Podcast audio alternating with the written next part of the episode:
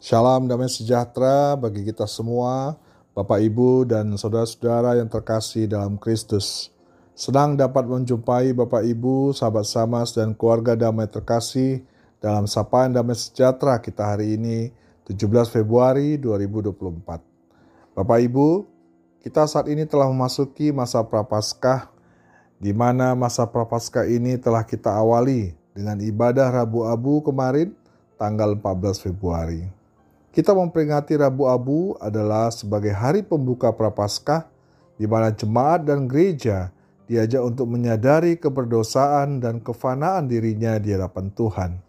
Kita merayakan masa-masa Prapaskah dengan beribadah dan berpuasa sebagai tanda perkabungan, pertobatan, dan merendahkan diri menuju kemenangan kebangkitan Kristus. Abu menunjuk pada kefanaan manusia dan kita hari ini akan bersama-sama menseringkan dan merefleksikan kefanaan manusia, khususnya kehidupan manusia di zaman Nuh. Mari kita berdoa sebelum kita bersama merenungkan firman Tuhan. Bapa di dalam surga, beri kami hikmat Tuhan untuk kami bisa memahami dan merenungkan kebenaran akan firman-Mu dan kami bisa merefleksikan firman-Mu akan kefanaan kami manusia. Urapi hati dan pikiran kami ya Tuhan. Amin. Bapak Ibu, untuk renungan dan sharing kita hari ini kita landasi dari kitab Yakobus pasalnya keempat ayat 14. Demikian firman Tuhan. Sedang kamu tidak tahu apa yang akan terjadi besok, apakah arti hidupmu? Hidupmu itu sama seperti uap yang sebentar saja kelihatan lalu lenyap. Bapak Ibu, sahabat sama terkasih, kita manusia adalah makhluk ciptaan Allah. Kita dicipta dari ketiadaan menjadi ada.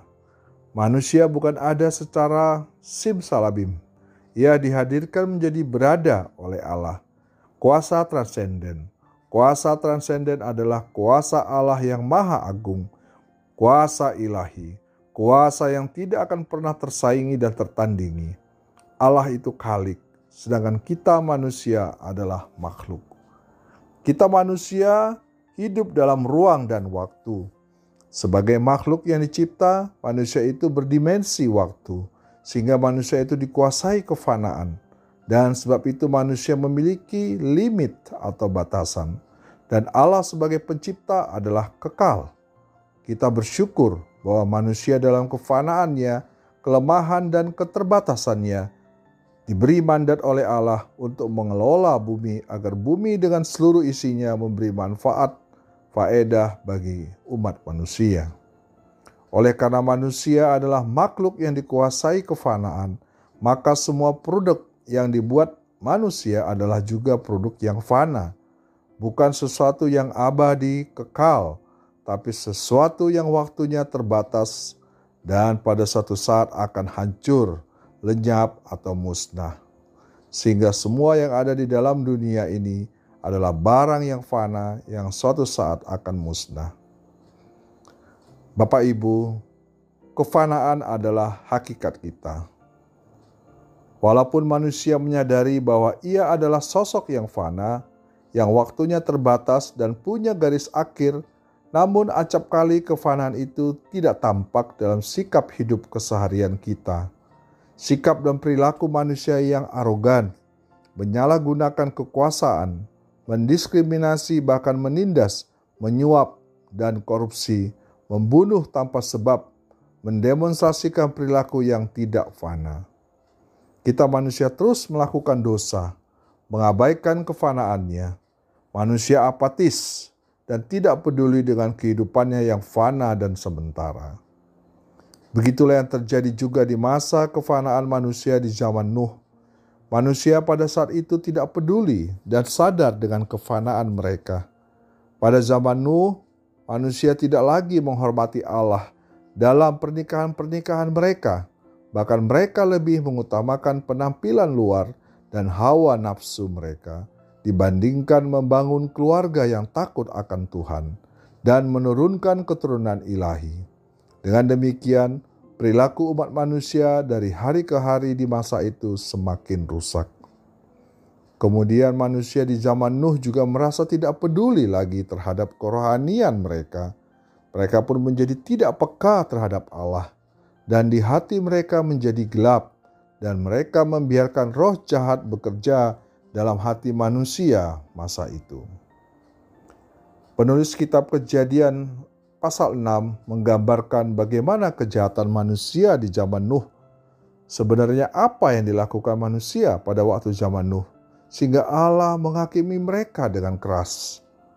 Dalam kitab Kejadian 6 ini menulis tiga hal rusaknya hidup manusia zaman Nuh, yaitu kerusakan manusia dalam pernikahan penuh dalam hawa nafsu. Ini tertera di pasal 6 ayat yang kedua, Bapak Ibu. Di kejadian 6 ayat 5 juga dituliskan hati manusia pada zaman itu penuh dengan kejahatan, dipenuhi kerusakan dalam kehidupan rohani. Dan terakhir di ayat yang ke-11 dan 12, manusia pada saat itu dipenuhi kerusakan dalam perilaku, selalu melakukan kekerasan dan menjalankan hidup yang rusak. Manusia di zaman Nuh sudah tidak memiliki rasa takut akan Tuhan, sehingga yang lebih menyedihkannya mereka tidak percaya bahwa kuasa Allah bisa meluluh lantakkan dan melenyapkan hidup mereka. Nuh tak henti-henti memberikan peringatannya bahwa barang siapa bertobat datang kepada Allah dan masuk ke dalam bahtera yang sedang dikerjakannya, maka ia akan diselamatkan. Nuh melakukan ini dengan sabar, Bapak Ibu. Bayangkan Alkitab mengisahkan selama 120 tahun Nuh membuat bahtera sembari memperingatkan orang-orang di masa itu akan penghakiman yang akan terjadi. Namun mereka mengabaikannya, seakan tidak percaya akan kuasa Allah, sampai akhirnya bahtera selesai, dan kemudian pintu bahtera ditutup Allah. Dan ternyata setelah 120 tahun, tetap saja dan hanya delapan orang saja yang masuk ke dalam bahtera dan diselamatkan. Mereka adalah Nuh, istrinya, ketiga anaknya, dan ketiga menantunya. Bapak, Ibu, dan saudara terkasih, pada waktu Tuhan Yesus di dunia, dijelaskan dalam kitab Injil bahwa ia telah memberitahu murid-muridnya bahwa keadaan manusia di akhir zaman itu akan seperti pada zaman Nuh. Sejarah akan terulang. Dalam Matius 24 ayat 37, sebab sebagaimana halnya pada zaman Nuh, demikian pula halnya kelak pada kedatangan anak manusia. Jika kita memperhatikan apa yang diperbuat manusia pada zaman ini, keadaan yang sudah menyerupai apa yang dilakukan manusia pada zaman Nuh. Hati manusia penuh dengan kejahatan semata, kekerasan terjadi di mana-mana, dan perbuatan manusia semakin hari semakin rusak. Jika kita melihat berita di media-media tidak pernah sehari pun luput pemberitaan tentang kejahatan manusia, pembunuhan, perampokan, pelecehan seksual, aksi terorisme, dan sebagainya. Dunia telah rusak di hadapan Allah dan penuh dengan kekerasan, peperangan di mana-mana, timbul kekerasan sehingga kehidupan yang damai menjadi rusak dan kehidupan yang bersuka cita menjadi penuh dengan ketakutan, akibat dari perbuatan yang dihasilkan oleh manusia itu sendiri.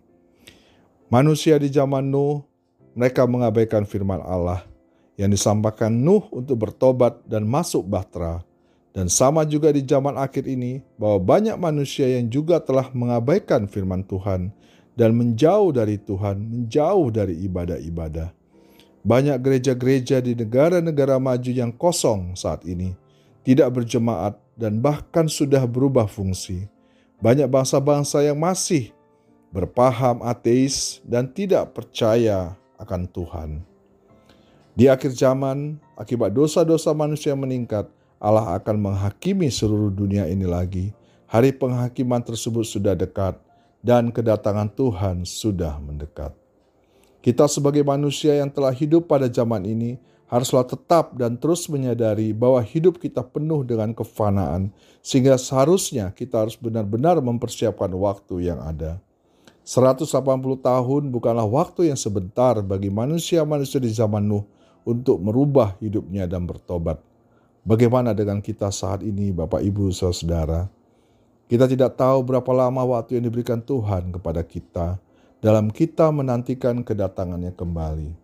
Mari kita menyadari kefanaan kita, kita yang masih berjalan dalam kesesatan dan tidak ada pertobatan. Apakah kita akan terus mengejar investasi duniawi yang fana, tapi belum menginvestasikan kebajikan, pelayanan, dan kasih kita kepada sesama selama ada waktu, selama hari masih siang? Manusia fana yang sadar dan siuman akan hakikat kemanusiaannya adalah sosok yang berupaya agar dalam hidupnya mempraktekkan kebajikan, kebaikan, kasih, dan takut akan Tuhan dalam kehidupannya. Amin. Mari kita berdoa. Terima kasih ya Tuhan untuk sapaan firman-Mu. Ampuni kami untuk kelemahan kami, untuk dosa-dosa kami, dan kami yang tidak menyadari kefanaan kami sebagai manusia kami yang belum melakukan kebajikan kebaikan dalam kehidupan kami, dan lebih mengutamakan keduniawian kami dan terus berbuat dosa. Layakkan kami ya Tuhan untuk kami siap menantikan kedatangan Tuhan kembali. Amin.